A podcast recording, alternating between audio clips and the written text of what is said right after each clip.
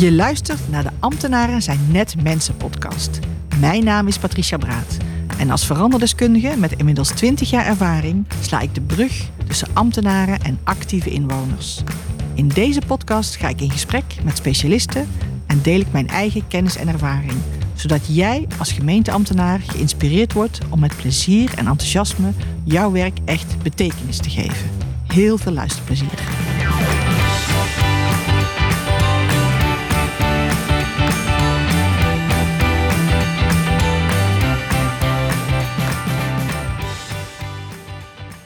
Welkom bij de volgende aflevering van de podcast Ambtenaren zijn net mensen. Tijdens de vorige podcastaflevering gaf Evelien van Rijswijk als ervaren ambtenaar bij de gemeente Almelo een aantal mooie voorbeelden over hoe je je als ambtenaar kunt inleven in de wereld van de inwoner. Voor Evelien is dat vanzelfsprekend, maar ze merkt ook dat dit niet altijd voor iedereen zo is. En ze doet haar best om bij collega's of andere professionals, waar dit niet zo vanzelfsprekend is, om begrip te krijgen voor de wereld van de inwoner en de vragen die dat kan oproepen. Het empathisch vermogen van Evelien is heel groot. Maar als jij daar wat meer moeite mee hebt, hoef je niet te wanhopen. Want het mooie is dat empathie iets is dat je kunt trainen. Empathie betekent het vermogen om je in te kunnen leven in iemand anders, kunnen meeleven in de situatie van de ander. Het heeft dus niets met medelijden te maken, maar dat je begrijpt wat het voor de ander betekent. Er zijn vier aspecten belangrijk om empathie te kunnen uitoefenen de wereld door de ogen van de ander kunnen zien, de ander ook daadwerkelijk als een mens zien, de gevoelens van de ander begrijpen en als laatste ook communiceren over het feit dat je het begrijpt. Empathie is een belangrijke eigenschap als je zinvolle relaties met anderen wilt opbouwen, als je verbinding wilt creëren. Een zeer belangrijke eigenschap voor ambtenaren die vaak in contact komen met inwoners dus. Maar ook voor de inwoners zelf. Een van de redenen waarom ik mijn podcast Ambtenaren zijn net mensen heb genoemd, is omdat ik merk dat inwoners ambtenaren alleen maar zien als ambtenaar, met het niet altijd kloppende beeld dat daarbij hoort. Een aantal jaren geleden heb ik samen met de Fontis Hogeschool in Eindhoven een workshop ontwikkeld in het kader van een project rondom een burgerinitiatief. Deze workshop heette Ga eens in de schoenen van de ander staan en was bedoeld voor gemeenteambtenaren en actieve inwoners. We hebben de workshop verschillende keren georganiseerd en er kwamen steeds verrassende resultaten uit. De insteek van de workshop was om twee partijen die het idee hebben tegenover elkaar te staan, fysiek te laten ervaren wat het betekent om de andere partij te zijn. We maakten twee rijen met stoelen van elkaar gescheiden door een afzetlint. Op de ene rij werden gemeenteambtenaren gezet en zij kregen een ambtsketting om. Op de andere rij werden de actieve inwoners geplaatst met een bloemenslinger om als symbool. Vervolgens lieten we de actieve inwoners hun verhaal vertellen, wat ze wilden realiseren en waar ze tegenaan liepen. Verteld vanuit hun eigen positie en zonder uitspraken te doen over de andere partij. Daarna gaven we de ambtenaren dezelfde opdracht. Vervolgens moesten beide rijen over het lint stappen naar de andere kant en de ambtsketting en de bloemenslinger omwisselen.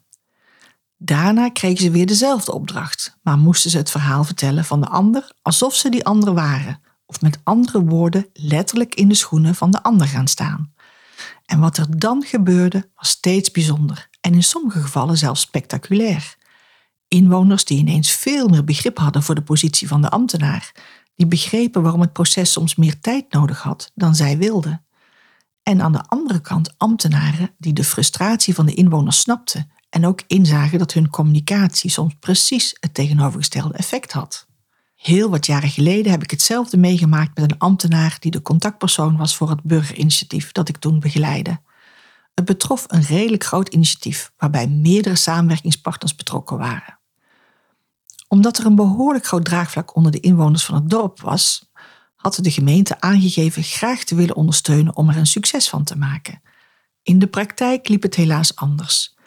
Ieder overleg wat wij met de bewuste ambtenaar hadden, wierp hij allerlei bezwaren op om de volgende stap te kunnen zetten. De ene keer was er een verordening die in de weg zat en waar we eerst nog naar moesten kijken. De andere keer moest hij eerst nog met een collega van een ander domein overleggen voordat we verder konden. En het was niet zozeer de bezwaren die hij uitte die maakten dat de inwoners steeds meer de moed verloren, maar de manier waarop hij het bracht. Op een gegeven moment kon ik voorspellen wanneer hij met een tegenargument zou komen. Hij ging wat meer rechtop zitten, zijn handen grepen het tafelblad En hij haalde diep adem. En dan kwam er een nee met het argument. Dat kan niet omdat. Of dat levert problemen op vanwege. En ga zomaar door. Het was bijna alsof hij had zitten wachten om met een tegenwerping te komen. Ik probeerde hem te verleiden tot uitspraken wat dan wel kon, of om in ieder geval aan te geven wanneer hij dan met een concreet antwoord kon komen. Maar ook daar bleef hij liever wat vaag over. Zodat we bij het volgende overleg weer niet echt verder konden. Gelukkig bleef de groep inwoners vasthoudend en is er uiteindelijk een mooi initiatief uit ontstaan, waar de waarde ook bij de gemeente duidelijk is geworden. De oefening om in de schoenen van een ander te gaan staan lijkt een hele simpele oefening, maar soms is het echt heel nuttig om letterlijk in de schoenen van de ander gaan staan. Vooral in situaties waar men het gevoel heeft elkaar niet te begrijpen, zoals de praktijksituatie die ik net heb beschreven. De oefening Ga eens in de schoenen van de ander staan is gebaseerd op de principes van NLP, of neurolinguistisch programmeren. Binnen NLP kennen we het principe van jouw model van de wereld. Iedereen kijkt naar de wereld om zich heen vanuit de eigen ervaringen, normen en waarden.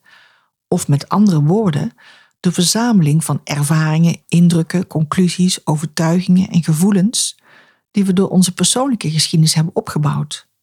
Omdat iedereen uniek is door wat iemand ervaart, voelt of meemaakt, is ook ieders wereldmodel uniek.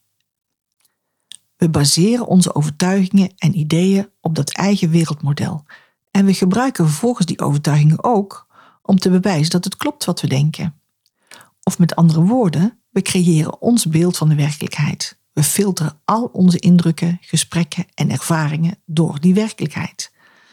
En wanneer je realiseert dat je je eigen model hebt en daardoor alle ervaringen en communicatie filtert, dan stelt je dat in staat om te beseffen dat de conclusie die je trekt over een interactie met iemand anders wel eens heel anders kan zijn. Je kan dan ook moeite doen om het wereldmodel van de ander beter te begrijpen. En dat kan betekenen dat die opmerking die jouw collega steeds maakt en die bij jou irritatie oproept, ineens een andere betekenis gaat krijgen. Of dat je de reacties bij een vergadering met inwoners ineens in een ander licht kunt gaan zien. De, de oefening over in de schoenen van de ander gaan staan die ik net heb beschreven, doet dat op een heel bazaal niveau, maar kan dus ook al geweldige resultaten opleveren. En je kunt door oprecht nieuwsgierig te zijn naar de ander dit ook al in een gewoon gesprek bereiken. En check af en toe je aanname eens. Ik ben zelf heel visueel ingesteld, dus wanneer ik in een gesprek zit, dan krijg ik meteen beelden bij datgene wat mijn gesprekspartner vertelt. Als ik enthousiast ben, dan weet ik van mezelf dat die beelden een heel eigen leven kunnen gaan leiden. Ook voor mij is het dus belangrijk om af en toe te checken of het beeld dat ik in mijn hoofd aan het creëren ben ook daadwerkelijk is wat die ander bedoelt. Bovendien verrijkt het in veel gevallen ook het gesprek, omdat mijn gesprekspartner dan vervolgens kan reageren op wat ik ervan maak. De resultaten van de workshop Ga eens in de schoenen van de ander staan gaven dat ook aan. Iedereen die meedeed kreeg wel een nieuw inzicht. Een van de deelnemende ambtenaren gaf aan dat hij oprecht dacht dat hij de actieve inwoners altijd goed had geholpen, maar dat hij zich nu pas realiseerde hoe zijn manier van communiceren helemaal niet helpend was. En de ambtenaar die ik al die jaren geleden meemaakte toen ik zelf dat burgerinitiatief aan het ondernemen was, die belde mij jaren later op en vroeg of, ik, of hij een keer koffie met mij mocht drinken. Toen we tegenover elkaar zaten achter een kop koffie, vertelde hij dat hij na zijn pensioen was gevraagd om deel te nemen aan een burgerinitiatief in zijn eigen woonplaats. Hij kwam dus letterlijk in de schoenen van de ander te staan. Hij keek mij over zijn koffie aan en hij zei uit de grond van zijn hart, na een hele diepe zucht: Nu snap ik pas echt wat je al die tijd bedoelde. Wat is het frustrerend om te maken te hebben met een ambtenaar die alleen maar met ja maar komt. Dus gebruik deze week eens om je empathiespier te oefenen en probeer je in te leven in je gesprekspartner. Vraag door naar beweegredenen en overtuigingen en waarom diegene deze overtuiging heeft. En je zult zomaar verbaasd kunnen staan van de antwoorden. Ik ben heel benieuwd naar jullie ervaringen. Deel ze gerust via LinkedIn of mail mij. Tot de volgende podcast. Dit was weer een aflevering van de podcast Ambtenaren zijn net mensen. Heel erg bedankt voor het luisteren. Je kunt je abonneren op de podcast via je favoriete podcast-app, zoals bijvoorbeeld Apple Podcast of Spotify. Was het een interessante aflevering voor je? Laat dan een review achter op iTunes of deel de podcast met een collega.